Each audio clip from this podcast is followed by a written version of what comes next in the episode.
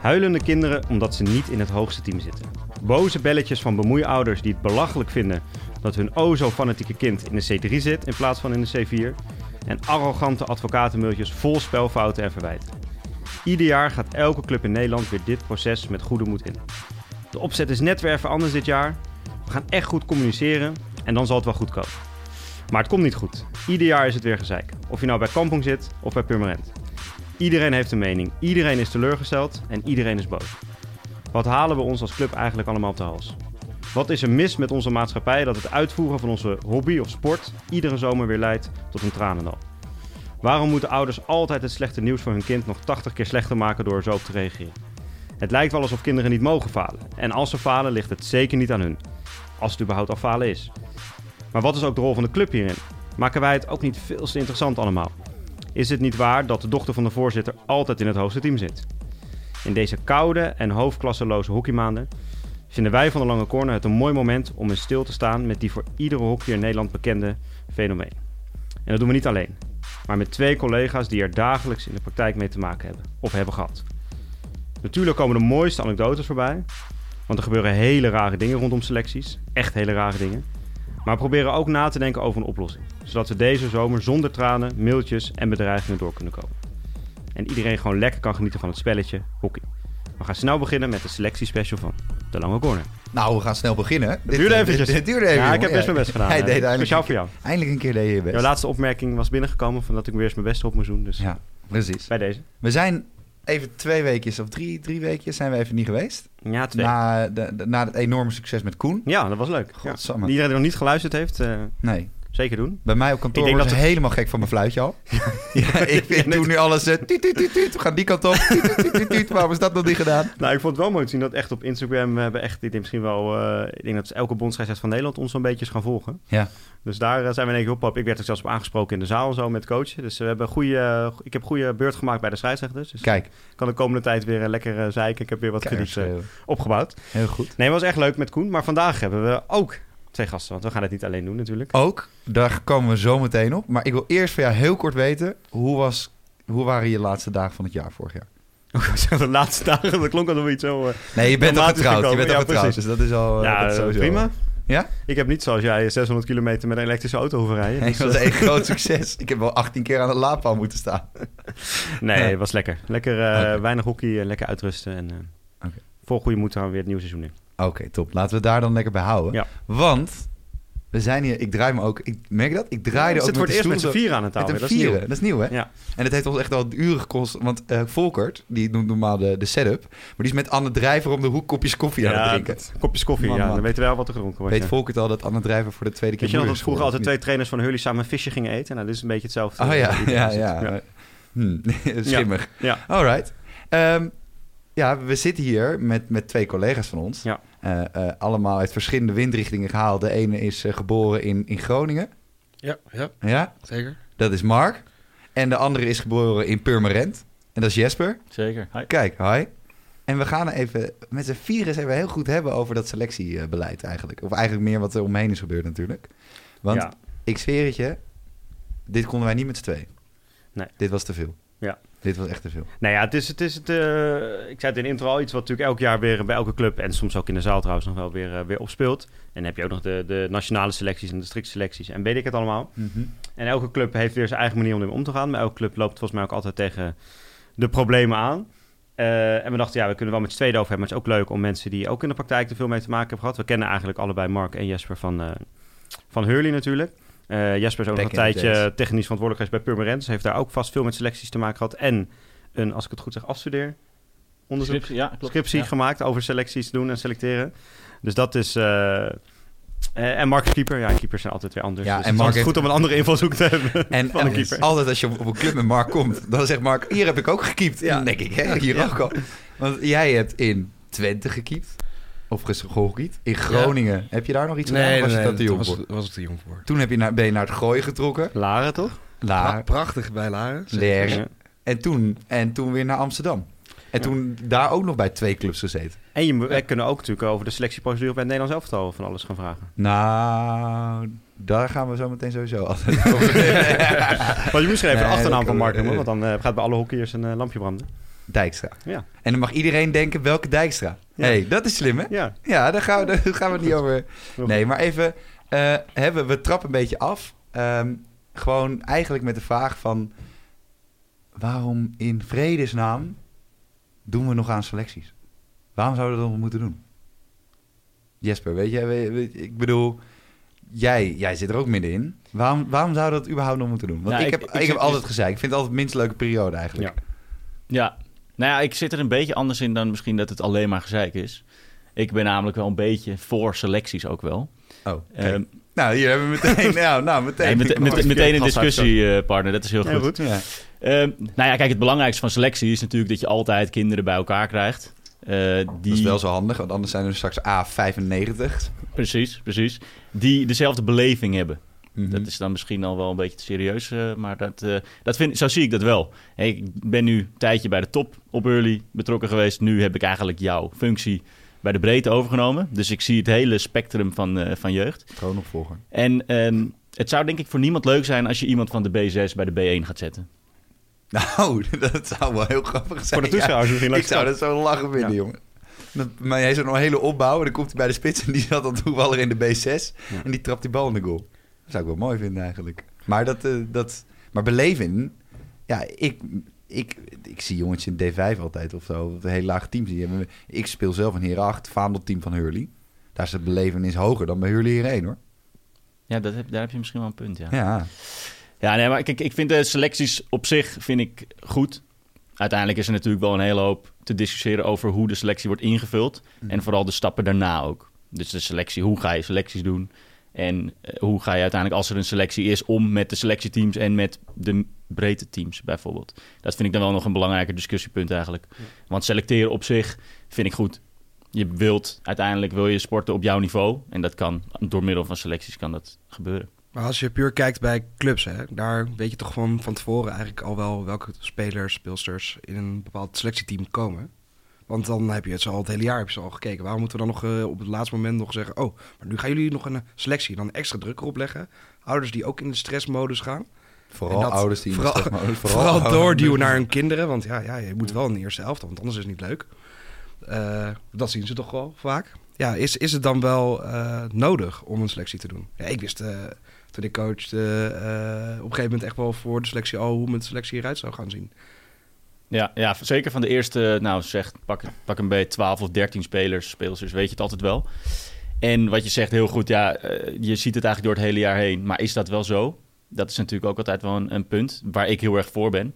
Niet om op het laatst iemand eh, zes keer over te laten spelen en dan te beslissen of ze goed genoeg is voor een eerste team. Nee, maar de reden waarom je natuurlijk eh, in jezelf altijd dat, dat lijstje hebt. Van, eh, je, iedereen weet wie de beste in zijn team is. Iedereen weet wie de slechtste in zijn team is. Maar de reden dat je dat lijstje hebt, inderdaad wat, eh, wat Mark zei... eh, is dat je natuurlijk al een heel jaar daarmee in, in je hoofd zit, onbewust. Maar misschien moeten we eens beginnen bij, zoveel- bij Ja, het begin van... eh, Ja, eh, hoe doe dus, als we bij jou beginnen, Jasper, bij, bij Hurley. eh, zowel top als breedte, hoe ziet de selectieprocedure... er- Even voor het veld gaan we dan even hebben het over het veld. Hoe ziet de selectieprocedure eruit? Hoe doet Hurley dat? Ja. Nou, dat is, er is een kleine verandering in gekomen. Toen ik begon bij Hurley, toen was het eh, heel simpel. Aan het einde van het jaar deden er wat spelers van buitenaf mee. Eigenlijk niet eens zo heel veel. En dan hadden we twee trainingen, of uiteindelijk nog een extra training. En dan werd de selectie bekendgemaakt in de top. Hoe het Ja. eigenlijk in de breedte ging, weet ik niet precies. Eh, op dit moment is het zo dat er geen selectietrainingen meer zijn aan het eind van het jaar.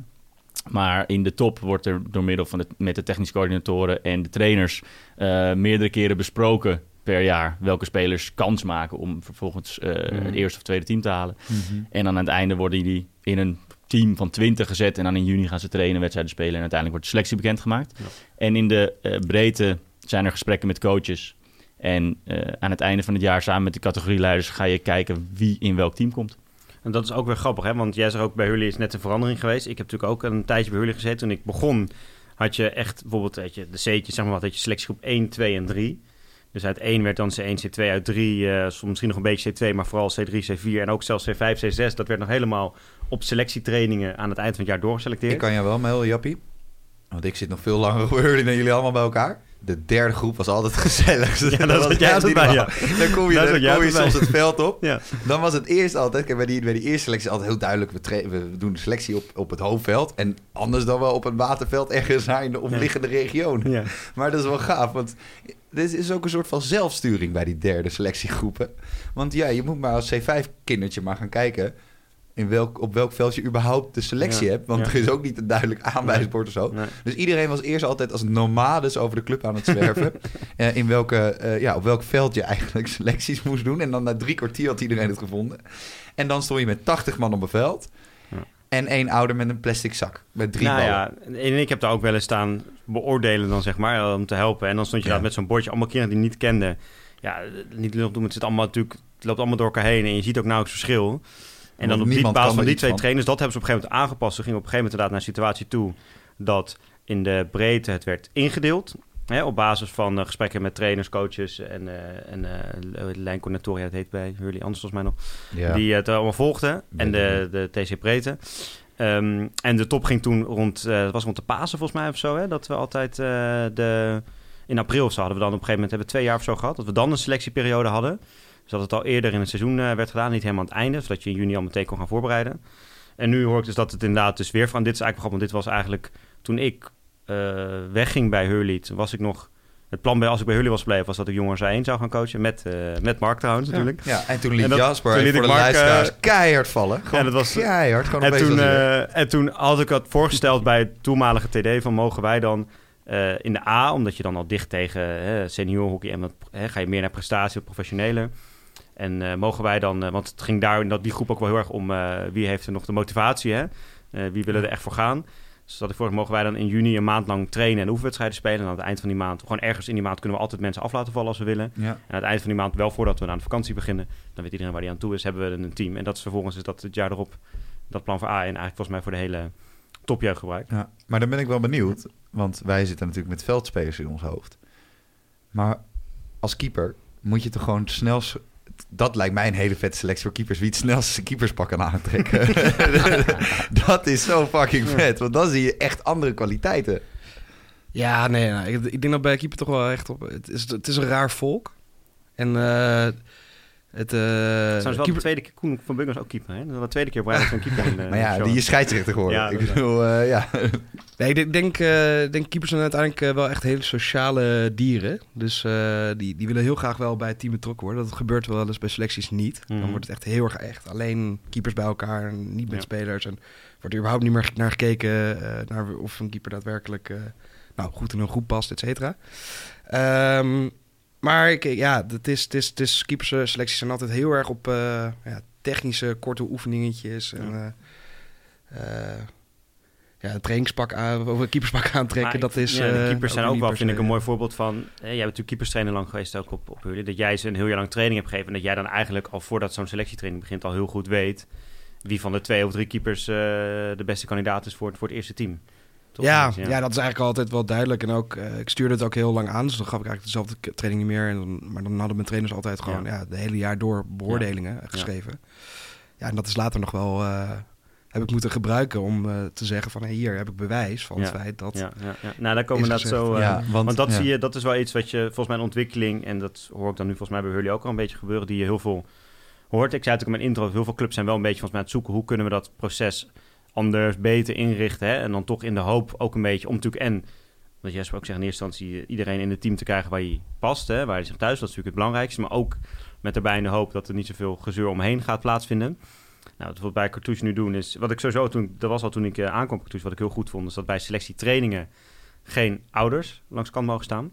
Dus dat, uh, dat haalt wel heel Oh. veel onrust uh, weg. Eigenlijk zeker bij jonge kinderen, bij DTC'tjes. Ik heb zelf een keer op Hurley meegemaakt dat we uh, de bosuiltjes, die trainen al zaterdagochtend. En dan gingen we... Dat zijn de hele kleine wij een paar, dat zijn de ja, minis. dat, die net begonnen zijn, niet het eerste jaar, dus die zijn zes. Dat we gingen we, die training gingen we kijken. En dan zouden we dan twee keer op zaterdagochtend gaan kijken. En dan zouden we een indelingje maken voor de F'jes voor het jaar erop. Ja, je moet ze toch ergens op indelen. Dus dan ging een beetje op uh, bewegingen, Stiklengte. belevingen, noemden we dat dan. Weet je, en dan gingen wij twee keer kijken. Um, Maar dat hadden we, dachten we, weet je, gaan het niet aankondigen, niet te groot maken. Wij staan er gewoon, we maken een lijstje en dan wordt dat het team. Nou, op een gegeven moment werd het dus toch duidelijk tijdens die training dat dat was. En het was, één moeder was wat later, wat wel vaak gebeurt, ja, zaterdagochtend moet je er vroeg zijn. En die was wat later en die kwam daar toen achter. En die moeder was dus helemaal overstuur en in tranen dat haar kind niet wist dat het vandaag selectie was en dat het belangrijk was en dat ze anders de kind had kunnen voor. Dus was het kind natuurlijk ook helemaal overstuur. Ja. Nou, die heeft natuurlijk, eh, dus Maar dat, dat, ouders, dat dat- proberen we een beetje uit te halen. Dus het leuke is dat ouders soort van... eh, die hebben een soort van... eh, ehm, een, een voortschrijdend toekomstbeeld van kinderen. Ja. Dus dan ergens dan... Als je je blokje op de, in de kleuterklas niet in het, in het vierkantje propt... maar in het rondje... Ja. Dan, eh, en eh, bij de selecties, als je zes bent, zo geloof ik, zijn die Ja. kinderen, te laat komt, dan zien ze al dat ze niet dokter Anders afgestudeerd zijn. Ja. Dat Ja. is een soort van, nee, dan raken ze compleet in paniek. Terwijl als je, dat is Als ze niet in altijd de F1 zitten, dan gaan ze ook niet in de D1 en in de C1, A1 en in Heren 1. Heren 1, Ja. jongen, o- Allemaal oranje, oranje, Ja. helemaal weg. Ja. Volledig, Olympische Spelen topscorer, kan je dan al vergeten. Maar je ziet dus ook hè, dat binnen de bond ook wel een soort beweging is van we moeten eigenlijk eh, minder selecteren, later selecteren. hè. Eh, niet die, wat Marco zegt, die druk op ze leggen met die trainingen. Zoals wij nu met Katusha in de D vorig jaar het echt gewoon indelen op basis van wat we het hele jaar gezien hebben. Ja. Ook bij de D1, D2, D3. Dat willen we eigenlijk, tenminste we hebben nog een beetje discussie. Ik ben er erg voor. We hebben nog discussie om dat ook dit jaar in de C te gaan doen. was eigenlijk ook plan om het dit jaar dan uit te gaan breiden. Als dat goed gaat, gaan we het jaar erop ook in de B doen. In de A doen wij wel met die hele periode in juni, zeg maar. Omdat je dan eigenlijk al... Zo is ook hoe het bij heren en dames 1 gaat. Dan ga je ook gewoon heel lang met elkaar trainen en wat wedstrijden spelen. En dan maak je een selectie. Dus dat sluit daar wat beter bij aan. Mhm. Ehm, maar dus je ziet dat iedereen daar heel erg mee bezig is. Dus dat is een beetje het uitgangspunt. Hè. En je hebt nog honderd andere manieren hè, eh, hoe je dat kan doen, het selecteren. Ik heb wel dat de echte trainingen er langzaamaan wel een beetje uit de mode beginnen te raken, zeg maar. En dat het veel meer is eh, op basis van het hele jaar. Ehm, ik heb nog niet het idee dat het heel veel... eh, Ik had nog een beter idee bij jou net thuis. Weet je dat nog? met z'n allen in de kooi Ja, oké. zetten. Je, je hebt zo'n experiment bij muizen, is dat? En dan hebben ze dus eh, muizen hebben ze in een kooi gezet en dan niks te eten gegeven. En wat er dus de hele tijd gebeurt is dat één muis is de Sjaak en die wordt door de andere muis opgefroten totdat er één over is. Ja. Nou, stel je voor, even, eh, je hebt nu al die blaashallen, toch? Ja. Ja. Ja, die laat je dan even staan. Of die parkeer je even naast de vereniging. en dan aan het einde van de- begin zomer, april, mei, zoiets. Hè, als het een beetje op gang begint te komen. Dan gooi je de kinderen allemaal in. Ze krijgen allemaal één hockeystick mee. Deur op slot. Drie weken later kom je terug. Kijk je wie er als laatste over heeft gebleven. Word je sterspeler. Ja. Heb je voor de rest geen jeugd meer. Dat is het nadeel. maar daar hebben we iets op gevonden. Ja. Altijd, zijn altijd genoeg kinderen die gratis willen sporten. Krijg je gewoon Ja. gratis, gratis eh, misschien eh, hè, mensen die er net in Nederland aan zijn gekomen... kunnen ook gewoon blijven sporten. Maar je hebt wel je beste hockeyer. Nee, Een echte doorzetter. En echt, ja, ja, ja, ja, Iemand die echt van gaat, een- een overlever. Ja, ja, echt een vechter. Ja, Echt een, een vechtersbasis. Dat is de nieuwe Teun. Roof. Ja. Ja, ja, ja. Ja, nou, zo is ja. Teun Roof ook begonnen aan zijn Ja. carrière. Ja? Oh ja. Nee, nee. Zo had hij nog steeds elk jaar de selectie van Amsterdam, toch? Nou, daarom hadden zij ook als eerste zo'n blaashal natuurlijk. Ja, dat was gewoon ja. Teuns idee.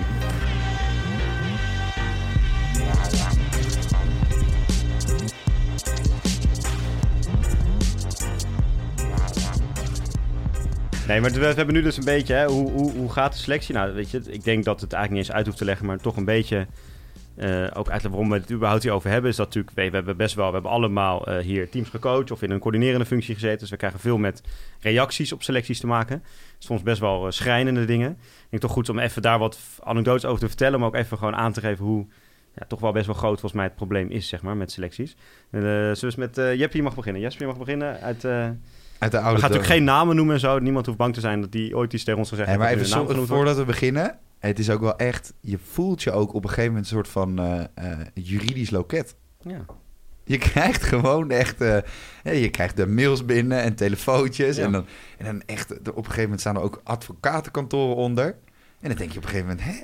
Ja. Maar misschien heb, heb jij, eh, heb jij zo'n zo'n mooie, mooi verhaal voor ons uit de oude doos? Uit de oude doos van, eh, van bij Permanent zeker. Ehm, Nou, je mag, je mag, laten we dat wel even, we laten alle namen eruit. Want anders krijgen we weer zo meteen alle juridische loketten op ons dak. Maar Oh, dan ja. voor iets.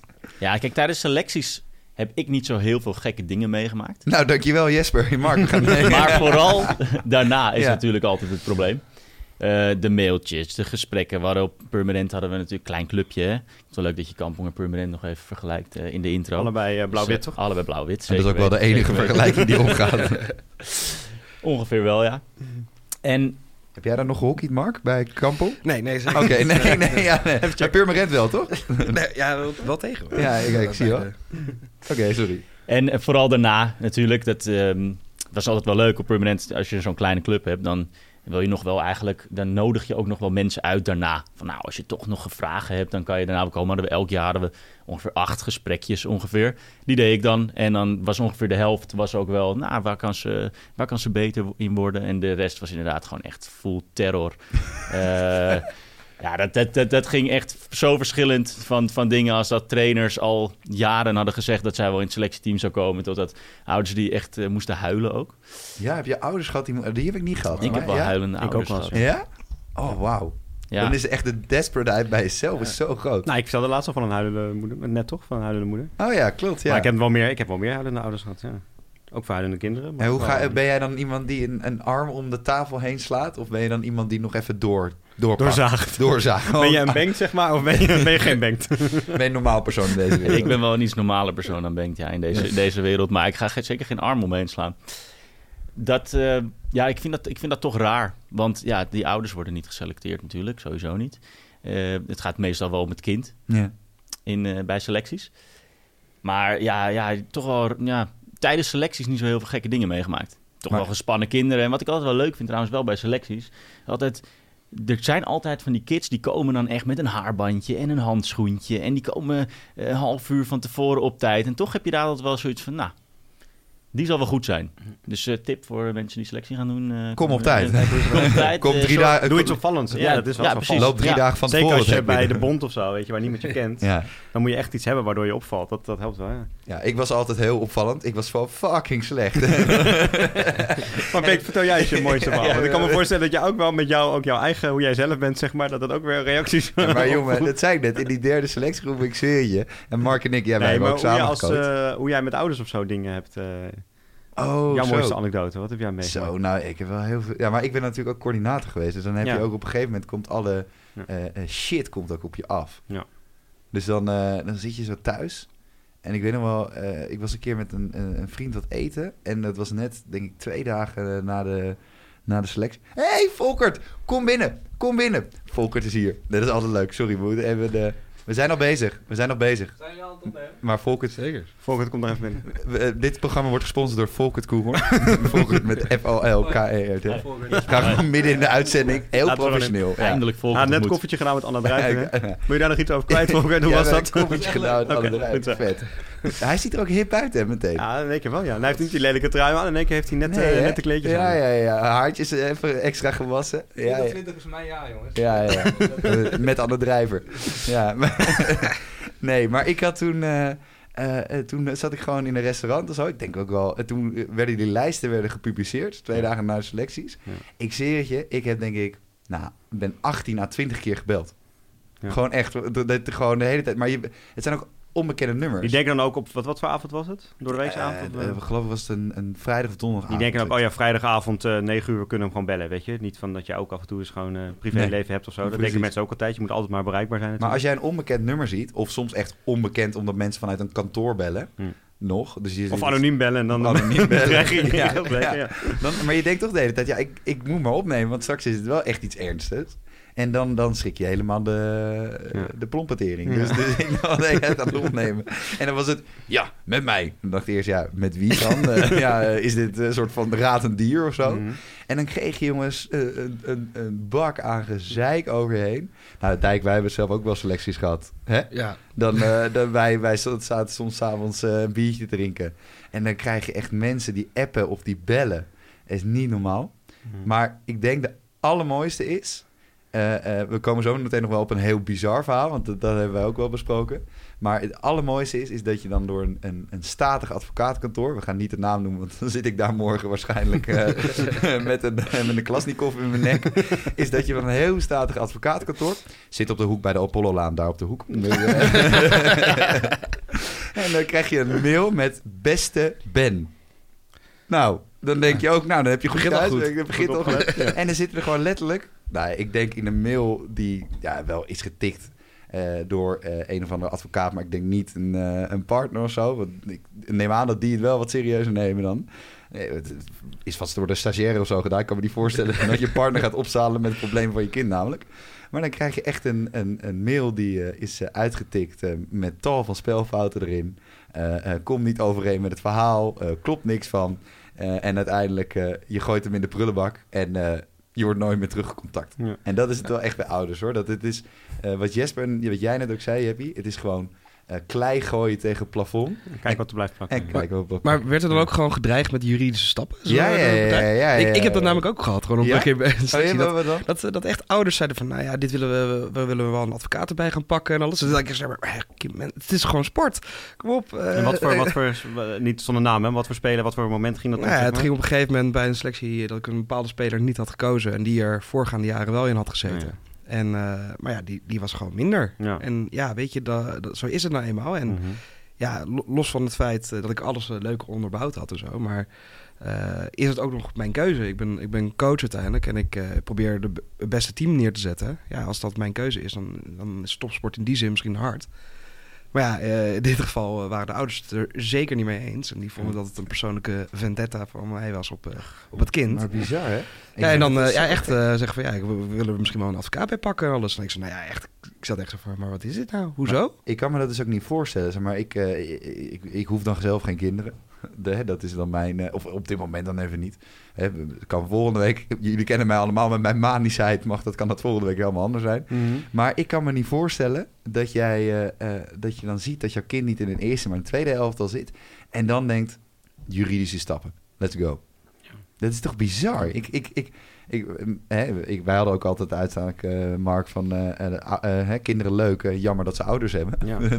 Helaas bestaat het een wel zonder het ander, maar vice versa niet. Nee.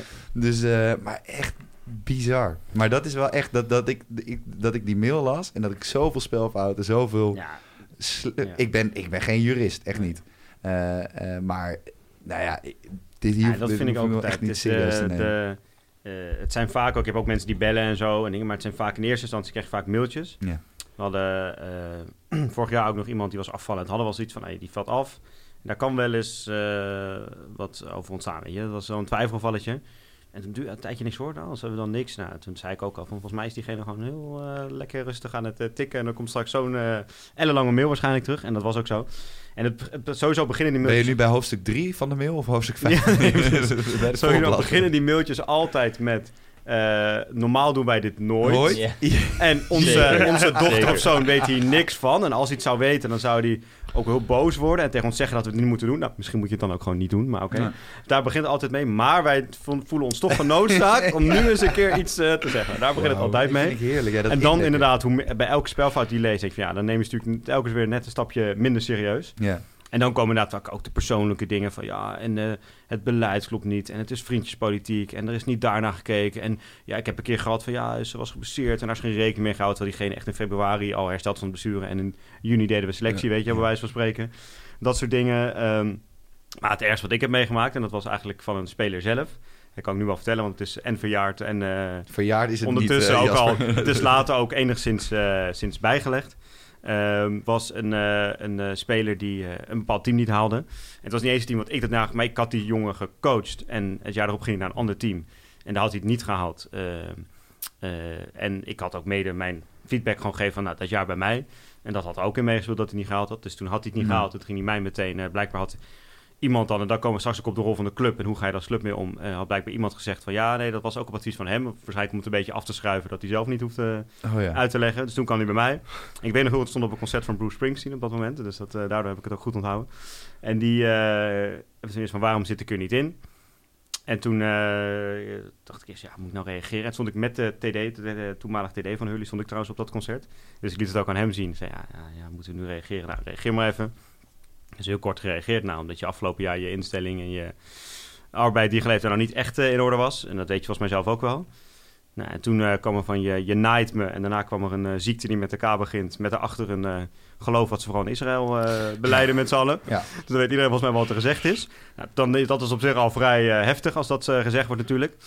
toen vervolgens kwam er een, een stukje later, toen heb ik er niet meer gereageerd. Ja, ik ga er ook niet meer op reageren. Ik zei je op concert en laat lekker gaan.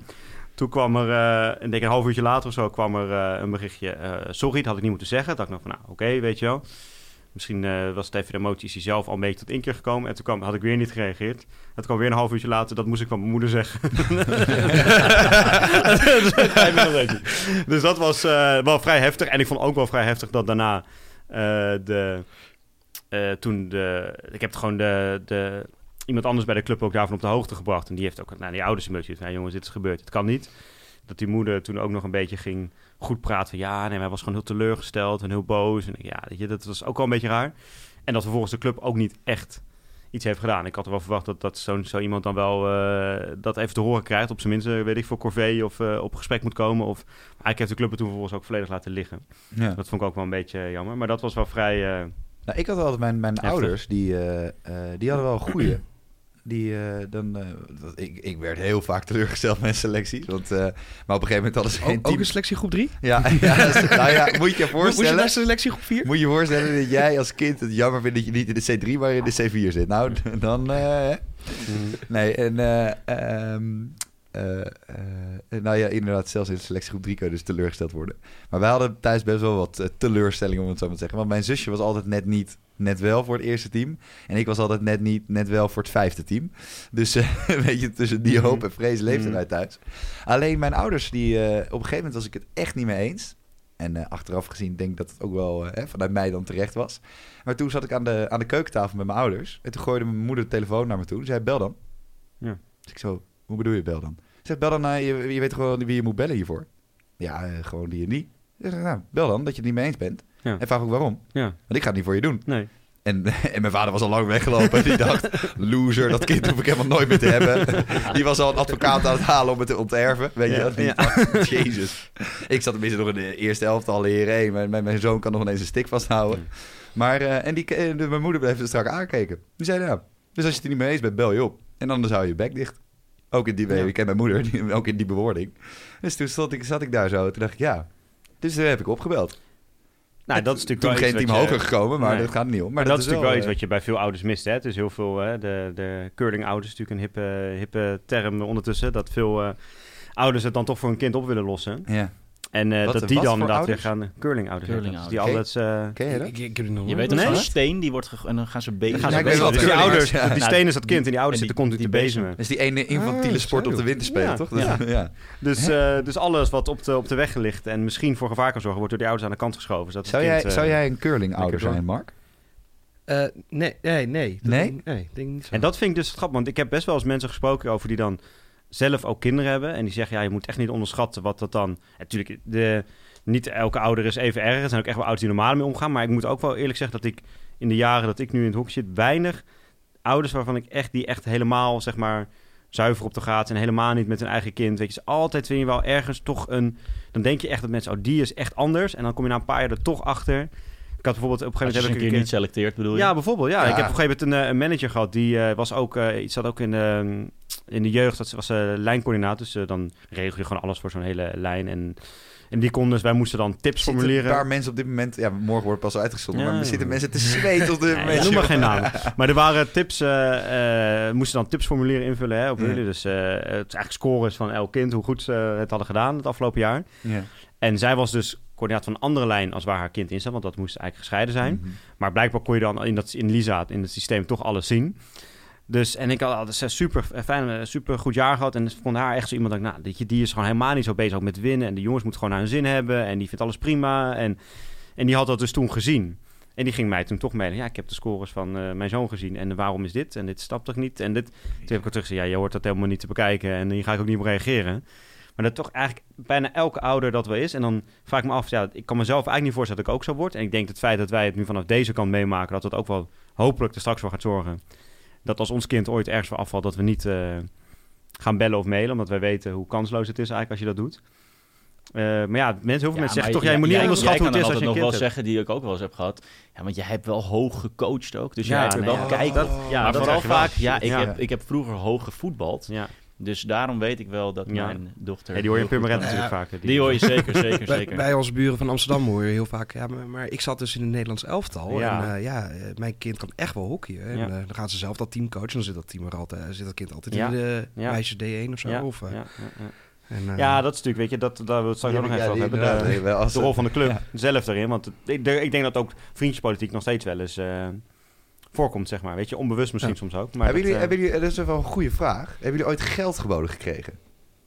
Nee, geld gewoon nooit. Ik of heb hebben jullie nooit- iets eh, in return? Nou, ik eh, ooit een, een keer een soort indirect. Er was een meisje was afgevallen. En toen eh eh, gesprek met, die, met haar en die ouders. En toen eh wilde ze ook weten, ja, wat moet ze dan beter doen en dit en dat, weet je. En eh dat was van, ja, wil jij, wil jij haar dan niet privé-training geven? En dan kunnen we er goed voor betalen. Dat werd wel gezegd. Dus Die heb ik ook het idee keer van, gehad namelijk. Ja. ga jij er een jaar trainen... en dan eh, zit ze het volgend jaar zit ze wel in het team, zeg maar. En dan ondertussen betalen we jou eh, En dan, en dan kijken hoe ver je kan gaan, hè? Ja. 8000 per training. Een uurtje. Wat? ja, jij woont er hoger? Ja. Nee, dus dat is dus een soort indirect wel. Maar niet echt direct van als je mijn kind nu selecteert. en een dan, eh, dienst of een product of zo? Want ik weet wel, ik, Ik heb wel verhalen gehoord van, van, van, van coaches die dan door de, de moeder wel is van... Hé, hey, maar dan gaan we een avondje dit of dat... eh Echt die heb ik corruptie, ook wel, schandalen eh, gewoon. Ja, ja, ja, ja, ja, ja. Wauw. Nee, je hebt het nooit gehad? Nee, ik heb het nog nooit gehad. ik ik heb, ik heb zeker niet, wel maar- veel Maar ja, wel een keer las ik eh, in, de, in onze voorbereiding een keer een vader gehad die dacht ik ga mijn kind gewoon even als soort van eh, Zo. Stormram inzetten en ja, eh, dat ja, was, dat oh, was oh, wel heel ik, zielig ik, doen Ik, en, eh, vertelde over die, dat, dat we dan wat gesprekjes hadden. En daar ging, nou ja, er kwam, meestal kwam dan eh, vader en moeder, of alleen een vader en die, of een moeder, die, die kwam dan. Maar deze kwamen samen met hun kind. En Ja. die gingen zitten. En die stelde aan mij de vraag: Nou, leg maar eens even aan mijn dochter uit waarom zij niet in de selectie zit. En toen, ik als jongen van denk ik 20 of zo, dacht toen wel: Ja. Ik dacht natuurlijk, omdat ze niet goed genoeg is. Maar hoe ga je dat nou verkopen? En helemaal voorbereid natuurlijk. Maar alles wat je dan zegt, Hm. dat komt er dan niet, komt er dan niet in. Nee. Zodat je op een gegeven moment toch wel moet zeggen: Ja, sorry, Ja. tijd is om. En, ik eh, vind dat ook wel een mooi brugje. Waar, waar ik, drie minuten, sorry, tijd Ja. is om ik moet gaan. nou, ik vind dat wel een mooi brugje waar ik nu over... Want hoe ga je er... Eh, überhaupt het het selecteren, hoe ga je het net even over gehad, hoe ga je daarmee om? Weet je, bijvoorbeeld wat ik, als je het over dit hebt, altijd doe. Is ik, ik vind altijd heel erg goed als je bijvoorbeeld via de mail of zo selectie doet en dan zegt van als je eh erover wil hebben, dan kun je morgen of overmorgen een gesprekje hebben. Dus niet meteen na de training bijvoorbeeld, dan niet in de emotie. Dat deden we vroeger bij Hurden, was dat op het veld dan iemand af lieten vallen. Meteen een soort gesprekje. Mooiste Ja, dat- tijd van het jaar als dat werkt natuurlijk niet. Huilende kinderen. Nee, dat Oh. werkt natuurlijk niet. Maar ook hoe ga je, hè, dus we hebben het over gehad, we krijgen de mailtjes, de belletjes, de gesprekken. Hoe ga je er zeg maar om? Ik ben, ik ben er steeds meer in gaan gelopen bijvoorbeeld in, moeten jullie maar zeggen wat jullie ervan vinden. Is dat mensen wel altijd weten, ja, waarom is afvallen? En dan moet je altijd, weet ik van, ja, de backhand moet beter. Of de- dan gaan ze ook altijd een beetje bij de bond ook, als spelers afvallen bij eh district of zo. En je vraagt als club waarom. Dat van, ja, handelingssnelheid moet omhoog worden. Weet je, dat is een hele makkelijke natuurlijk om te zeggen. Dat is argument wordt altijd gebruikt. Terwijl volgens mij moet je gewoon wel die duidelijkheid geven en heel eerlijk zeggen, ze is gewoon niet goed genoeg. Oh, Punt. maar, die, maar Dat is het gewoon. maar dat- niet van ja, nee, de backhand en ja, ze moet heeft altijd- dit. En ze kan wel goed verdedigen, maar aanval... Nee, ze is gewoon niet goed genoeg. Ze is gewoon slecht. Ze is fucking slecht. Jezus, dat jullie dit op aarde hebben gezet. Wauw. Wow. ja, maar ik moest, ja, maar ik moest echt zeggen: Jij bent echt heel slecht. Ja, maar oh, ja. en Oh, dat dat, zou ik ook is, gewoon dat zeggen. is wel moeilijk hoor. Maar je de kan is dus- snoeihard zijn. ja die, die ouders zetten dat kind uiteindelijk in die positie, zeg maar. Er was Dat wij dan de. Er verantwoordelijkheid een manager die zei tegen mij... En er was ook iemand die eh, redelijk eh, op de top van het bedrijfsleven zit. En die heb ik tot op de dag van vandaag... gebruik ik die nog wel eens als, we, als ik op kantoor ook iemand eh, eh, ja, eruit moet gooien. Is, Bengt, hij zei, het is net koeienslachten. Je moet gewoon die kop afhakken en gewoon niet meer naar omkijken. En dan is het ook meteen klaar. Maar dan heb je wel een lekker biefstukje aan het einde.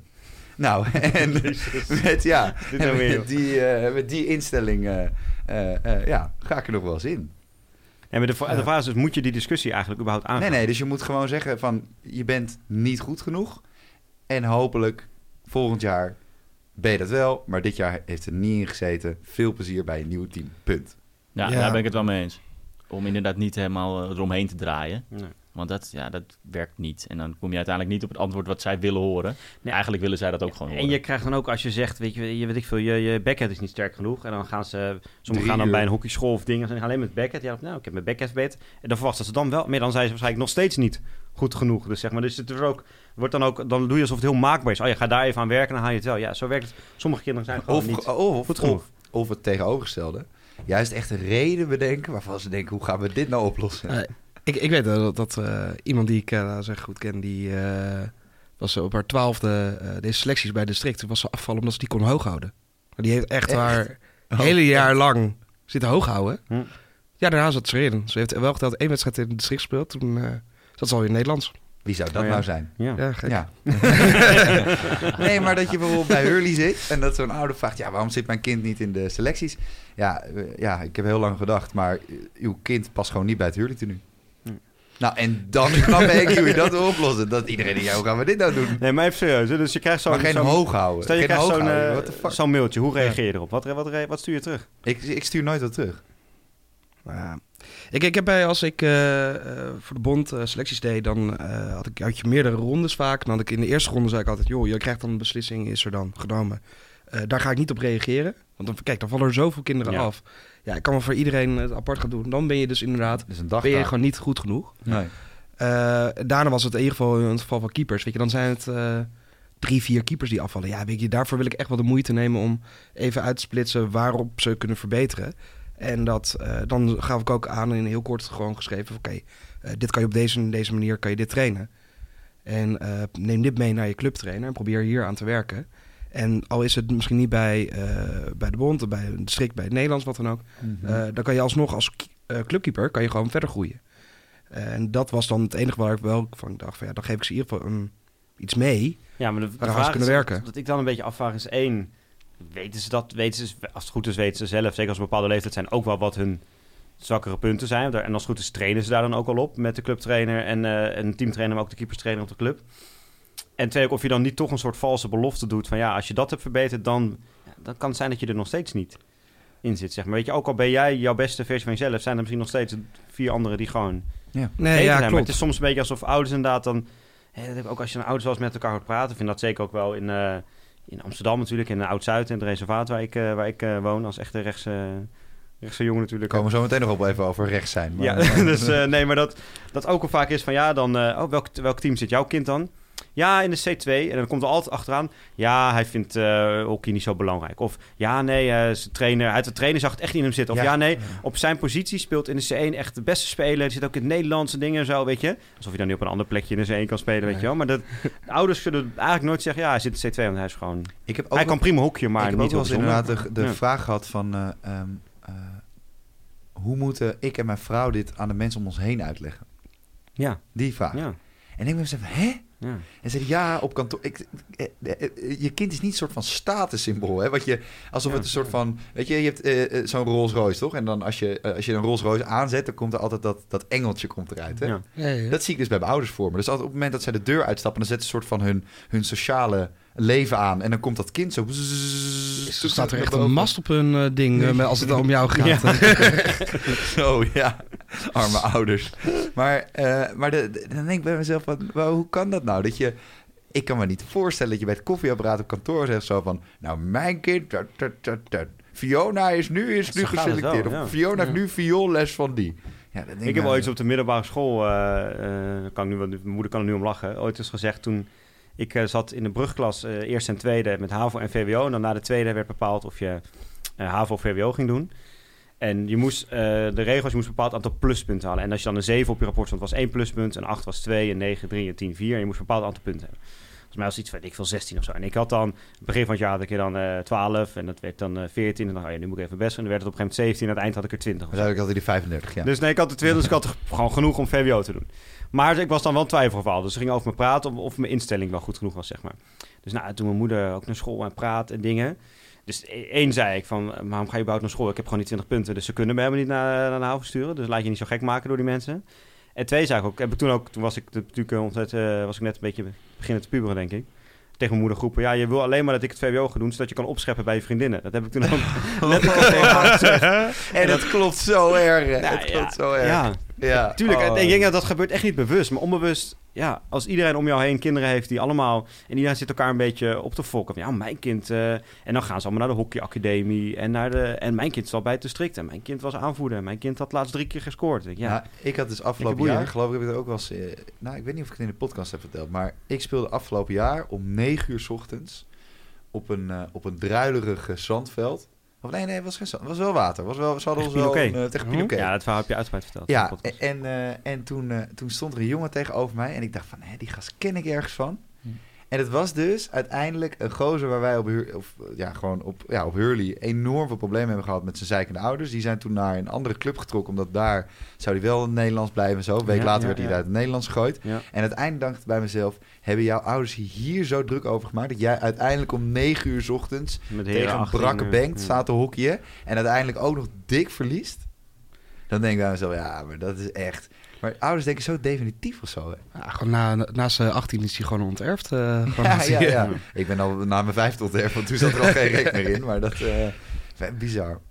Maar Want hoe heb jij bijvoorbeeld, eh, eh, eh, ik doe nu sinds dit jaar ook het district, Jesper weet, doet eh district meisjes, hè, Noord-Holland. Ja, dus dat klopt. we komen elkaar wel eens tegen. Eh daar Allebei bijvoorbeeld ook voor DOD en moeten er eh, eh, mensen afvallen. Hoe hebben jullie dat toen eh, gedaan met die, die meiden die af zijn gevallen? Hebben jullie gesprek met hun gehad of hebben jullie punten meegegeven? Hoe hebben jullie dat gedaan? Nee, we hebben wel eh, we hebben geen gesprek gehad. We hebben het eigenlijk in twee keer gedaan. Dus eerst eh, een soort schifting gemaakt van een paar meiden die afgevallen zijn. En toen hebben we er nog een paar, omdat we, ja, we hadden daarvoor ook nog maar vijf trainingen gehad. Dus, of vier. Dat is eigenlijk wel weinig. Dus uiteindelijk hebben we toen nog een paar, drie of vier meiden laten afvallen. En we hebben iedereen wel even een mailtje gestuurd. En dat was over het algemeen wel een algemeen mailtje. Hè, met, met ook de punten die vanuit de bond worden meegegeven, die, eh, eh, die ze daar willen zien, waar, waar ze in ontwikkelen. Ja, En dan nog een persoonlijk stukje. En dat was inderdaad wel vooral, nou ja, vaak handelingssnelheid zeker. Maar dat Ja. is ook wel vaak het ding. En dat heeft natuurlijk niet alleen maar te maken met hoe snel je met de bal heen en weer kan halen, maar ook hoe snel je kijkt en hoe snel Ja, je paast en hoe snel je... beslist, ja. maar dat is ligt- een, dat en is- handelingssnelheid is toch echt een punt, dat kan je niet trainen. Nee, dus dan, dat is nee, dus eigenlijk dat dus een punt. Ja, de is anderen zijn gewoon beter. Ja, Ja. ja, dat, is, dat, dat kan je, ja. Ja. want Ja. dat is net zoals iets als, eh, ja, geen overzicht.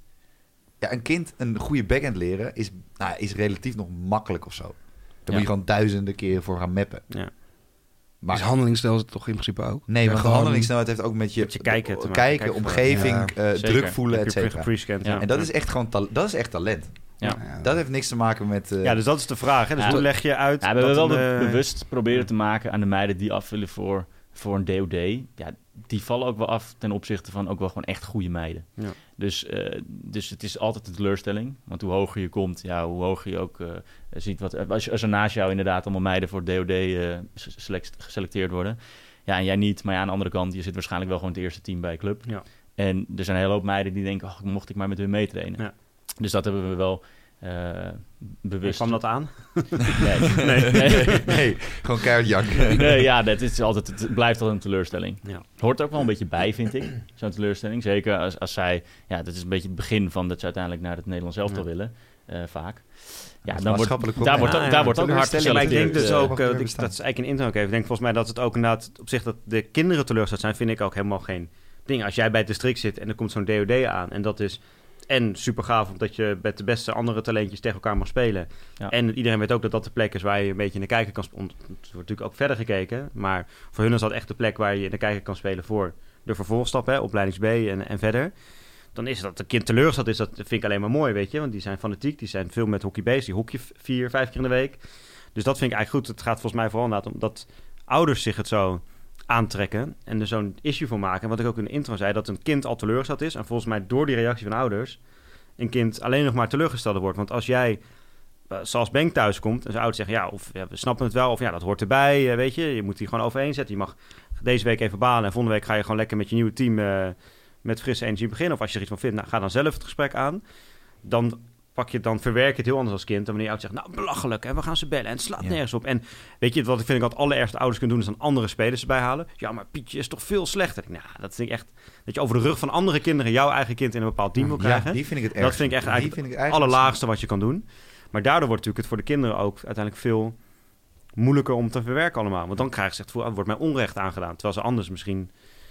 Want volgens mij voelen, ik heb het een keer in de zaal gehad. Bij, eh, was toen volgens mij toen wij eh, samen coachen, moesten we zaalselectie maken. Ja. En toen was een andere trainer, die had eh, bij een wedstrijd staan kijken op het veld. En stond ons team stond daarnaast ook te kijken met een paar van die meiden. En toen vroeg die, vroegen zij aan hem, ja, de zaalselectie is toch al bekend? Weet jij wie erin zit? En dat was inderdaad ook al bekend, maar moesten nog aan de spelers vertellen. En hij wist het ook wel, maar hij zei, nee, ik weet van niks natuurlijk. Ik ga niks zeggen. Maar wie denken jullie dan, vroeg hij aan de spelers. En die noemden vier afvallers op vier of vijf afvallers. Dat waren precies onze vijf ja, afvallers. omdat Dus die wist, en dan toch, en er stond, een van die afvallers stond daarbij en die zei dat ook. En toch, toen ze afgevallen, was het één grote eh, show en iedereen boos. En Ja. eh, ouders aan de telefoon en weet ik het allemaal. Maar het blijft ook moeilijk in te schatten hoe goed je zelf bent. Dat heb ik zelf ook wel gemerkt, aangezien ik... Nou, als jij op, Nou. veld, eh, als jij op zandveld Ja. staat om half zes 's avonds op zaterdag elke dag, dan weet jij donders dat goed zeg dat je ik, niet bij de de, beste de, team de eerste tien weet je vaak wel. Maar ik, ik had zelf, ja, ik vond mezelf vroeger altijd best wel goed. Maar ik speelde natuurlijk wel bij Permanent. Dus daar vond Ja. ik mezelf best wel goed. Ja. Ik won altijd En van Purmerend 1, moet je je voorstellen. Ja, ja, nou, ik heb daar, ik heb daar later, heb ik natuurlijk, want, want we, toen deden we alles gewoon lekker op papier en tijdens selectietraining heb ik later nog wel zelf, toen ik eh, betrokken was bij de selecties, die oude formulieren terug, teruggezocht van mezelf. Nou, daar stond toch ook wel even, eh, leerde ik toch ook wel de harde waarheid. Nou, speelt alleen maar voor zichzelf. Ja. Twijfel, twijfel of hij wel in het eerste team moet. Volgens mij was er maar één team. Heeft hij Dus wel genoeg is- pluspunten dat- voor het VWO? Dat is nog extra pijnlijk. En uiteindelijk... eh, Zo, dat is trouwens wel echt, dat is echt de grootste degradatie. Als mensen je afvragen of je wel bij het eerste team hoort, maar er is maar één team. nee, er waren er twee.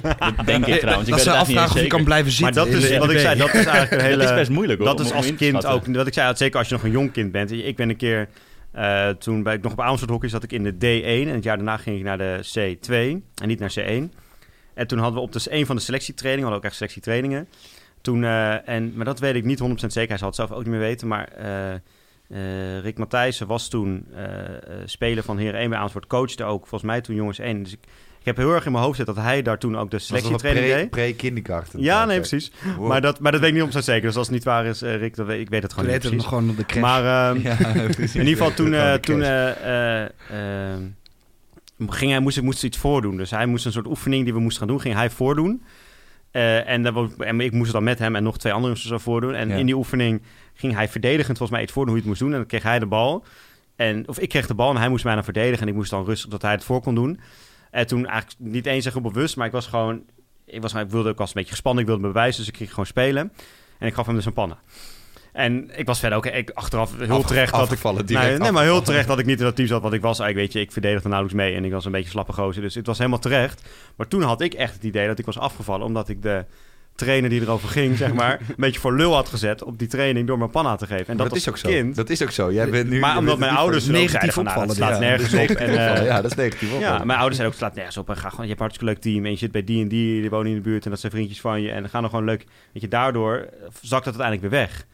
Ja, je hebt ook ouders die dus blijkbaar dan naar de club een mailtje sturen leert- van... Hé, ja, alleen omdat de trainer een panna kreeg is Maar je leert eh, een kind ja. ook veel meer als hij het zelf moet oplossen of dat hij er gewoon... Want Ja. ik kan je melden, als jij nu al over de zijk gaat raken als ouder... of je kind dat in ieder geval leert dat hij niet in de C1 zit, maar in de C2... Nou, Gaat hij een zwaar leven krijgen, ja. dan komen er heel veel momenten in het leven Ja. dat jij ergens zit waarvan je denkt... hoe kom ik hier als ouder terecht? Dat je op een gegeven moment bij sollicitatiegesprek nog naast je kind gaat zitten. Ja, ja, ja. Dat het nog pittig wordt. Maar dat is gewoon, dat hoort gewoon bij het leven. Dat je afvalt en weer ergens bij anders komt. En, maar als je er niet de zelfacceptatie... Ik ben nu ik ben een goed boek over zelfacceptatie aan het lezen. Zo'n goed boek. Ga ik straks even naar je toesturen. Oké. Maar dan leer je ook gewoon... Dan heeft het niks met... Dat, heeft, dat is gewoon ego van ouders. Ja. Dat is het gewoon. Het is gewoon ego. Het is gewoon...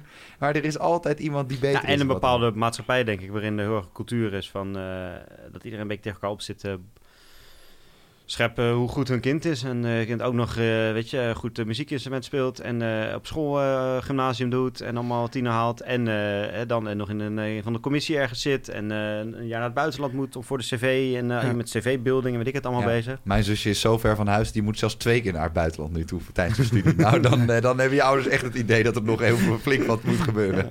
Ja, ja, klopt. Ik, ik, ik vraag me ook vaak af, maar eh, soms krijg je... Ik, ik heb ook wel eens een keerje een, eh, nou, een mailtje gekregen, die heb ik jullie ook wel laten zien. Ehm, Oh ja, waarin ehm, een meisje bepaalde... Nou, ik denk, een- denk je een bepaalde soort zelfkennis heeft... die niet helemaal realistisch is. Maar dan vraag je eigenlijk altijd af... is dit nou de wens van het kind of is dit de Ja. wens van de ouder? Ja, ja, Nou, dit, dit meisje speelde in een eh, nou, in het tweede, tweede elftal. Eh, was daar keeper. Dat is dus En, eh, niet, even voor de luisteraars die het niet snappen, dat is dus niet het hoogste elftal. Hè? Want Nee, ik weet al waar dit naartoe verhaal naartoe gaat. Nee, en ehm, eh, ze speelde dan in de, in de zaal eh, bij, bij de A12, is dat te- dan tegenwoordig. Dus dat is het geme- gemengde eh, team, eh, wat dan ook. En eh, ja, ze vond dat ze daar wel heel erg goed had gedaan. En ze Ja. had gezien op de website van de KNB dat de selecties voor het Nederlands A open waren. Precies. Ja, en of ik daar niet even voor haar van kan aanmelden. Ja, en, en dat, dan kom je eigenlijk in een positie als Ja. coach en als coördinator, wat dan ook. Eh, ja, Dit, dit, moet jij gaan bepalen voor dat kind. Dat, dat haar zelfkennis misschien niet in dit gezin Ja. goed is. Ja. Ja, je kan haar sturen naar zo'n selectie. Maar ja, ik heb zelf ook al ga- vaak gehaald met districtselecties en Nederlandse selecties. Dat, er kinderen zijn. heen worden gestuurd. Ja, die daar echt zielig. niet moeten zijn. Want dat is gewoon zielig. Want die staan dan... En die gaan altijd dan huilend weg, omdat ze dan eigenlijk teleurgesteld zijn... en omdat ze het niet hebben kunnen laten zien. Ja, en, en dan moet je dat dan zo'n kind wel aandoen. In dit geval dan ook. Van ja, kom op. eh, je bent eh, volgens mij zelfs eh, tweedejaars A. Dus de kans, ik weet ook niet wat de kansen waren of zoiets voor haar. Om, Nou, om dat weet ik wel hoor. Dat was nul. Nee.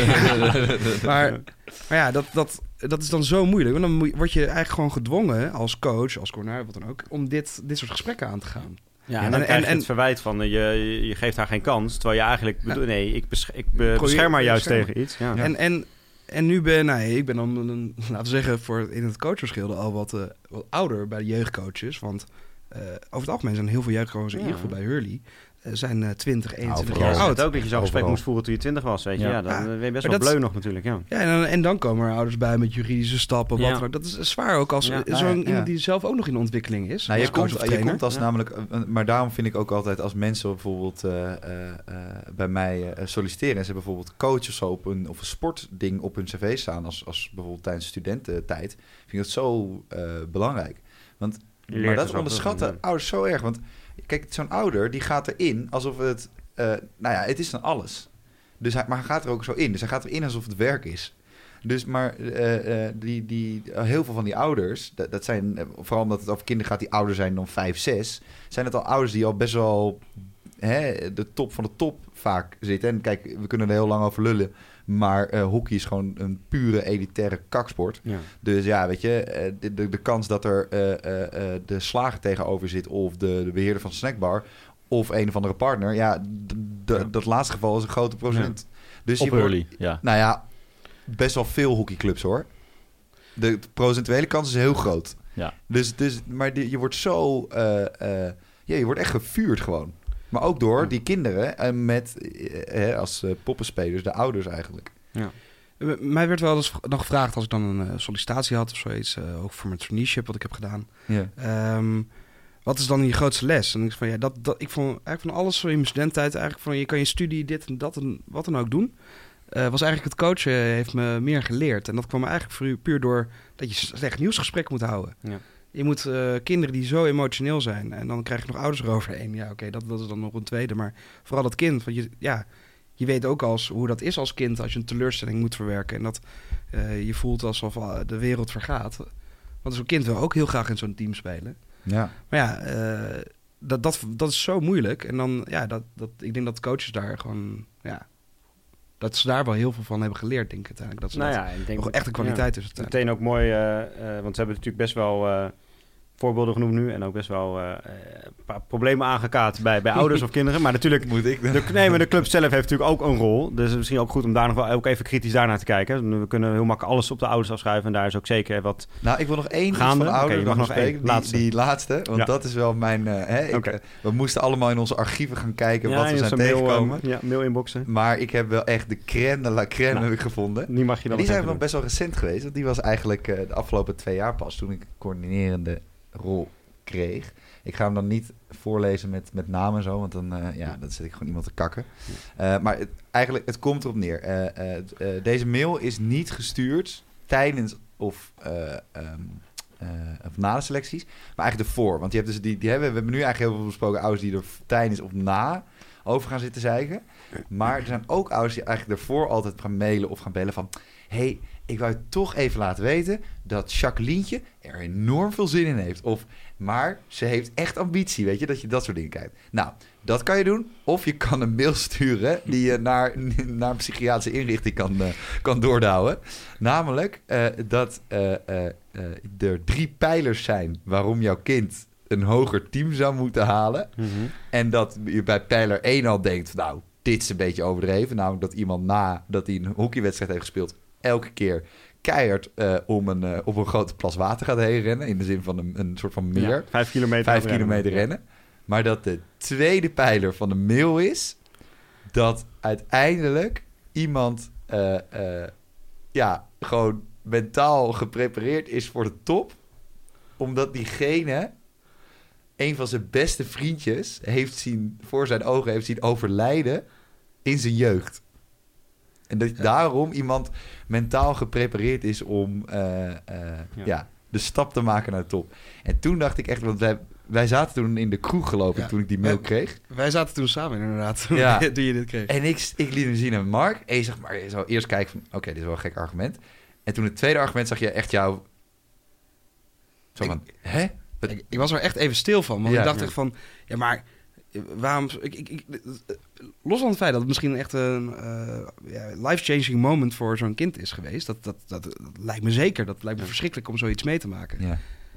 Maar dit ga je toch niet naar iemand sturen van, ja, dat, daarom moet, je maar, eh, moet ze maar in de selectie komen. Dit heeft, staat toch helemaal erbuiten. En, Nee, maar dat iemand... wat, wat zadel je Ja. een coach mee op? Ja, eh, Pietje is, die moet geselecteerd worden, want die heeft Jantje toen hij negen was zien overlijden. Gast, doe normaal. Echt, doe normaal. En, en daarna ook wel, dat vond ik, het mooi, dat vond ik eigenlijk wel het mooiste van de mail. Daarna weer heel ver gaan of er niks daarboven stond of zo. Gewoon, nou, dat en eh, nou, daarnaast eh, dit en dit en dit. Ja. En toen, ja, toen dacht ik echt van, nou, nu Ja. ben ik echt eh, Ja. lost in space. En er zijn echt mensen echt lost in space. Als je dat gaat sturen, dan... eh, En wat heb je toegereageerd? Heb je nog iets gereageerd? eh, yes. nee. nee. nee. eh, nee, ik heb, eh, ik heb gereageerd dat ik eh, eh, het apprecieer dat hij mailde, dat ik bovenstaande zou meenemen. eh, maar eh, dat dat niks zou zeggen over een selectie.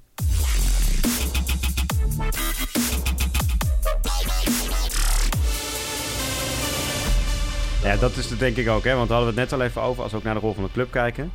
Eh, eh, we hadden net even over hoe ga je ermee om? En ga je nog de argumenten geven of zeg je gewoon iemand is niet goed genoeg? In hoeverre ga je überhaupt de discussie heel erg aan? Want je weet dat wij op een gegeven moment ook een eh, TD hadden bij jullie die na zo'n selectieperiode, want toen hadden we nog allemaal in de zomer, die dan even een paar dagen wachten als al die mailtjes binnenstromen. En die zat ze dan al t- 's middags te verkneukelen. Ik kan vanavond lekker, eh, ga ik lekker tikken. En die ging dan lekker een avondje achter zijn laptop zitten en allemaal reacties terugtikken. Maar ik ben zelf ook altijd vrij... ehm, Zeker met deze dingen van tevoren, weet je, ook wel eens gehad dat iemand zei, ja, heeft net een nieuwe stick, eh, wil toch meegeven, want hij moet nu met zijn nieuwe stick. Ja, weet je. Maar ik denk ook als je het hele jaar kinderen ziet, dat het dan dat het ook al minder nodig is. Maar bedoel, eh, maken wij het als club ook niet soms te belangrijk door het selecties te noemen, door die trainingen te organiseren, door best wel een verschil te hebben in aanbod voor een eerste team en een vierde team bijvoorbeeld, dat er ook best wel anders behandeld wordt. Is dat niet? Hoe staan jullie daarin? Ja, ja. ja, eh, in, welke zin aanbod voor een, voor een eerste team? Is het dan Nou ja, qua ik denk- trainingen, ik denk trainers? dat, ja, ik denk als je kijkt, en dat, dat betreft hebben mensen ergens gelijk in dat ze belangrijk maken. En dat wel bij clubniveau als op bondsniveau. Ik denk dat je ehm, in het Nederlands A zitten bijvoorbeeld niet heel veel spelers die niet ooit bij de strik zijn begonnen. Het is best wel zo, als je daar de slag mist, is het best wel moeilijk. Om, er zijn wel na-selecties, maar het is best wel moeilijk om via die momenten nog Ja, binnen te er is komen. Gewoon, er is ook gewoon toch, eh, je hebt toch ook voorbeelden van mensen die het nog wel hebben gehaald. Alleen de kans dat... Ja, maar dus ook op een club. Mensen die al jong, en dat we hebben jullie zelf ook gezien, er is bepaalde lichtingen die uiteindelijk als ze A zijn, dat het echt best wel tegenvalt wat eruit komt. Ja, En die altijd vanaf de D al bij elkaar hebben gezet en altijd bij elkaar zijn gebleven. En dat daar eigenlijk weinig... En dat kinderen die daaronder zaten misschien mindere training kregen. Misschien überhaupt minder training kregen, minder uur. En daardoor het gat alleen maar groter werd. ja maar het En alternatief is dan ook minder. Want anders zal er heus wel geswitcht worden toch op een gegeven moment. Alleen dat het is gat de wordt vraag. misschien groter. Maar maken wij het dus door in de D al een soort scheiding te maken... en niet dan al veel te belangrijk waardoor die reacties komen, zeg maar. Nou, ik vind het hele sport veel te belangrijk worden. Ja. Ja, ik, vind, ik vind het wel grappig, hè. Kijk, eh, de, de hockeybond eh, zegt dus ook van... we moeten het niet zo vroeg beginnen met selecteren. Ja. Maar toch hebben we in de afgelopen paar jaar... zijn we van districten A en B... Ja. hebben we afgeschaft om Ja. district C te hebben... Waarbij je selecteert wanneer ze tweedejaars D zijn. Ja. Dat is, dat is toch maar super één raar? jaar is het ook, ja. ja. Ja, en, en dan is het daarna komen ze dan... Is het tijdens de C-leeftijd spelen ze dan erin. En als je dat niet hebt gehaald... nou, dan is het echt... Dan heb je nog naselecties ergens halverwege, halverwege het jaar... eh, Ja. in de B of in de A. Nou, is maar de vraag of je daarvoor wordt opgegeven of je wordt geselecteerd. Ja, eh, ik, vroeger was je vanuit de, district A of het district B, viel je af, ging je terug naar, of ik bedoel, naar, vanuit Nederlands AB, Ja. viel je af en ging je naar het district. Ja. En daardoor was het niveau van het district heel erg hoog. Ik heb Ja. genoeg met jongens in het district gespeeld, eh, die uiteindelijk nog eh, terugvielen naar het district vanuit het Nederlands, weer terug naar het Nederlands kwamen en uiteindelijk nu eh, straks hopelijk weer op de Olympische Spelen staan. Ja, eh, en dat was heel... Max Kal was in het district gezeten. Nee, ja, maar dat is, dat is, dat weet je, en dat is wel, eh, eh, eh, en daarom, dat is denk ik ook een van de redenen waarom nu, omdat er best wel toch De, en ze willen misschien weer een beetje terugdraaien. Maar dus nu toch best wel een cultuur dat er best wel vroeg al keuzes worden gemaakt. Dat ouders daar toch volgens mij heel veel belang aan hechten. We moeten er nu bij zijn. Want anders eh, haken we niet meer aan. Ja, en Ja. daarom ook van clubs gaan switchen als ze jong zijn. Ook. Dus Ja. ja. ja, ze moeten wel nu naar Ja. want anders eh, Ja. Gaan Ja, ze, en dan krijg je ook nog, niet op tijdens selectie. Dat club zichzelf, de ene club naar de andere club roept... wij hebben de beste jeugdopleiding. En bij ons wordt iedereen... Weet je, daarom maak je het ook natuurlijk nog Ja. weer veel groter. Want je moeten we dat überhaupt wel doen? Nou, ik had het dus afgelopen week, want, want, ik, want jullie zijn nu alle drie nog actief in het hockey. Jij, Mark, probeert heel erg je best om eruit te komen, maar het zal je nooit lukken. Maar dat maakt niet uit. Eh, maar ehm, eh, eh, ik had het afgelopen weekend, ik, ik, was, ik zat op kantoor en ik werd opgebeld eh, door eh, een, eh, nou, een welbekende van ons. van, hey, kom je even een paar uurtjes in de zaal lachen? Iedereen is er en iedereen speelt. En, dus ik dacht, nou, weet je, hè, vooral in die zaal natuurlijk, vooral in Noord-Holland, ik weet niet hoe het bij andere districten is, maar... dan zijn de zaaldagen zijn allemaal in, op één locatie van het hoogste niveau. Dus je ziet dan ook door de hele dag door wel leuke teams. Dus ik dacht, nou weet je, waarom niet? En vanuit mijn kantoor naar, het was aan de Sporthal Zuid, echt 10 minuten fietsen of zo. Nog ineens. Dus ik nou weet je, ik pak de fiets en eh, ik daar naartoe. En ik kom binnen. En eh, nou, ik zie iedereen, iedereen begroeten. Ik sta daar 10 minuten. En ik denk echt bij mezelf, heb ik me hier nou zo lang heel erg druk over gemaakt. En het werd, dat gevoel werd steeds groter gedurende die dag. Toen liep ik de zaal weer uit. En toen dacht ik bij mezelf ook van dat hele jeugdhoekje, dat, dat, dat, dat, al dat, dat, dat, dat, ja, dat moeilijk doen van die, van die clubs en zo ook. Van Ja. dat, eh, wij hebben de beste jeugdopleiding. Gast, het zijn kinderen die hebben een leuke tijd. Clubs die overal spelers vandaan plukken Ja. om maar landskampioen te En- worden. en- ja. eh, ja. En, dan, eh, en dan 15 jaar later vraagt iemand aan je en? Ja, landskampioen. Zo. Zo, zo. Ja, en eh, voor hoeveel mensen? Ja, tien. Zonder te kijken, weet je. Ja. Dat, ja, dat- het boeit niemand de zak. Je kan maar beter een beetje lachen hebben met elkaar. Natuurlijk, weet je. Het is wat jij aan het begin zei. het heeft geen zin om kinderen van de B6 in de B1 te plaatsen. Snap ik ook wel. En er moet ook wel zo een beetje naar gekeken worden. Maar Ja, je wil met gelijkgestemden in een team zitten, ja, dan wordt het ook leuk. Dan is het leuk. zo veel te groot. Maar ook Ja. gewoon, als je nou kijkt, hè, de, de, nou, de meest talentvolle hoekier die we dan hebben hè, op dit moment is Jorrit Kroon. Geloof ik is daar iedereen het wel over eens, toch? Ja. Ja. Gewoon, in ieder geval, als, als je hè, noem één talent uit Nederland zelf, dan Ja. zegt iedereen, oh, dat is Jorrit Kroon. Ja. Zelfs buiten het hockey. Eh, eh, en eh, dan vraag je trouwens ook daarna nog, doet Taak Takema nog mee? Dus ik En weet Teun, niet of dat... ja. En Teun de Nooijer, dus ik weet niet of dat het beste is. Maar, eh, en als je naar, eh, naar eh, Jorrit Kroon kijkt, die heeft tot z'n- tot zijn met zijn A bij Alecto gespeeld. Nou, dat was dan, eh, weet ik toevallig, maar het was best wel een goede lichting waar Ja, hij in zat. dat ook landelijk wel en zo. Ja, maar ook twee jaar niet. Ja. Van die vier jaar dat hij in B en A heeft gespeeld. En eh, eh, ja, en, eh, die jongen is prima op zijn pootje terechtgekomen. Eh, Floris meer- Middendorp van Hattem. of, eh, had hem. Daar eh, hebben ze nog ineens een veld, maar een half veld. Weet je, Ja. zo klein is die club. Ja. Eh, eh, eh, die keer, eh, geloof ik, komt Floris Evers ook ergens uit Gun of Hattem of wat dan eh, ook. Groningen, zeker. Groningen. Ja. Eh, eh, Mirko Pruiser, die zat zelfs in Reigers. Reigers A2, geloof ik. Nee, Amsterdam of- A2 of- Amsterdam z'n allen. A2. Ja. Nou, weet je, en eh, ja, die zijn er ook prima terechtgekomen. Dus als je echt goed, echt goed bent, en daar hoort wel een portie doorzetten bij, want ik kan, kan niet geloven dat Mirko eh, vijf keer per week in de kroeg eh, belandde toen Ja. hij de A2 zat. Daar heeft hij ook wel veel voor moeten oefenen dan. Maar, maar ja, ik ken to- toevallig zijn, zijn, zijn broer dan een beetje. Eh, maar geloof ik zijn het ook niet echt een familie geweest die Mirko echt extreem hebben zitten pushen Ja. en eh, eh, naar 18 hockeyscholen hebben gestuurd of wat dan ook. Ja. Eh, nee, die heeft gewoon, eh, ja, gewoon het op een gegeven moment laten zien. Nou, die kan nu naar de Olympische Spelen toe. Ja, en de kans dat iemand een talent is en in het team altijd het hoogste zit op de club, ja, dat is best wel aannemelijk, omdat het een talent is. Ja. Maar ja, als club zou ik vooral tegen ouders zeggen van, joh, doe eens even normaal. Ga, ga lekker Ja, maar bij. dus ook als club zelf normaal doen. Ja, ja, ja, ja. Dus, Ja. dus ook daarin gewoon een stelling van... Hè, eh, selecties zijn er om kinderen met ambitie bij elkaar te zetten. Mag nooit ten koste gaan van, de, eh, van ja, het spel. Ik denk dus dat je dat dan eens kinderen met ambitie... Kinderen hebben volgens mij geen ambitie. Nee, of, of gewoon Ja, kinderen hebben die zo over het Nederlands elftal. Dat roepen ze allemaal bij ons in de D1 ook. Nou, super mooi. Leuk dat ze dat gaaf vinden. Of, of heren 1 halen. Ja, En als je al zegt kinderen met ambitie... Want dat is wel bijvoorbeeld bij Hurley een reden waarom kinderen weg zijn gaan. We hebben ambitie, weet je wel. ja toen gingen ze in Amsterdam of misschien is en dan was het daar inderdaad- Ja. Stonden ze drie jaar later bij eh, Amsterdam Heren 16 te spelen.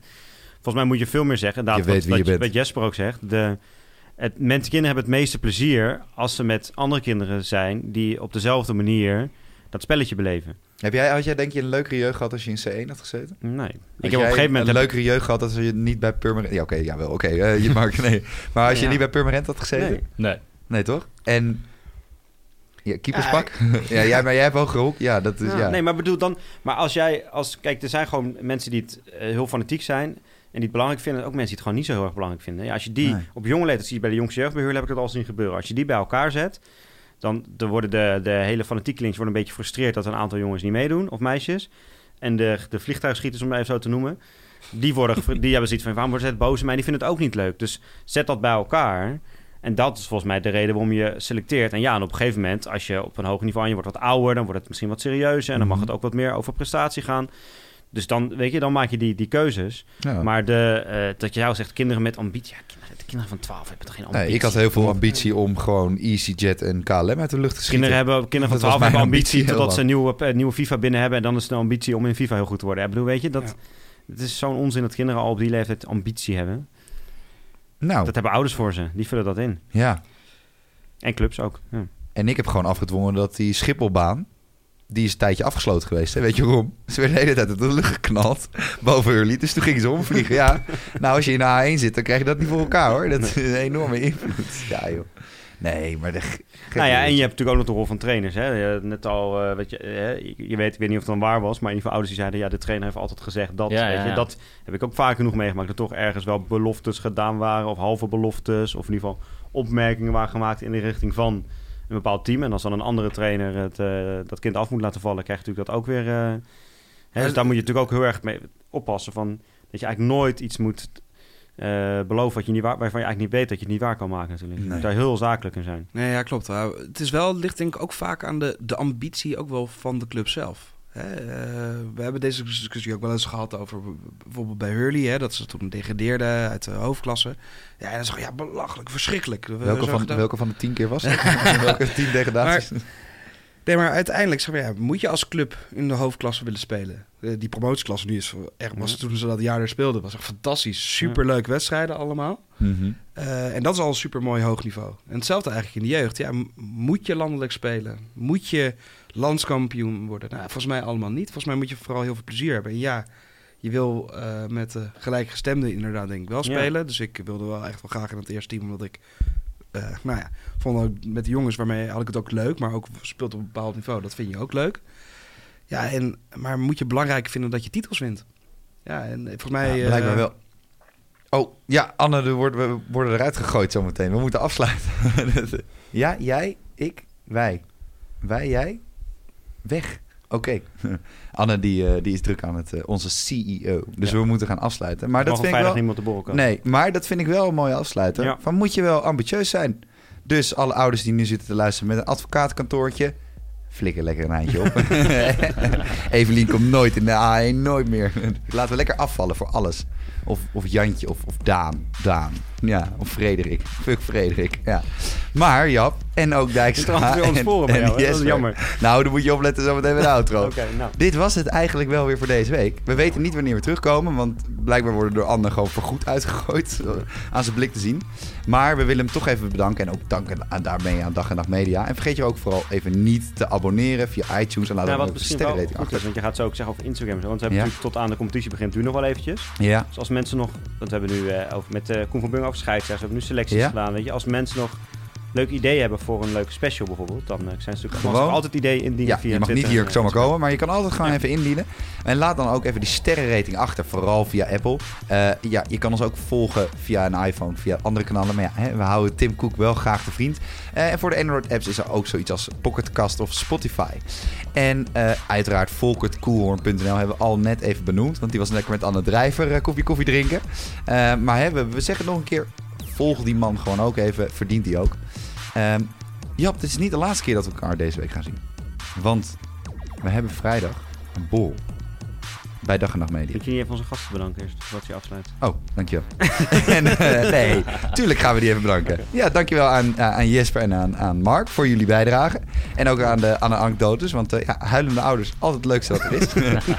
en eh, vooral mensen die denken dat ze in een tweede team zitten en dan nog de stap naar Nederlands gaan maken. Gaat nooit gebeuren, jongens. Ik stop ermee. Maar we hebben hier vrijdag dus die bol, die Vrij Mipo. En eh, Jasper en ik zijn de enige die niet GroenLinks gaan stemmen. En eh, nou ja, we kunnen daar heel pessimistisch naartoe gaan in het linkse bolwerk met onze Thierry Baudet vlaggen en pro-VVD en 130 niet Hebben weg ermee. bier of krijgen we je groene thee? Nee, Groene we thee? krijgen eh, eh, wijn, geperst in Nederland. En gefabriceerd door een klein boertje wat niet aan de stikstofmaniakken meeneemt. Maar we gaan toch. En, dames en heren, dan gaan wij proberen met Anne Drijver. Wat best wel een knappe vrouw is op zich, dus hey, waarom niet? En eh, met, eh, noem eens even een acteur.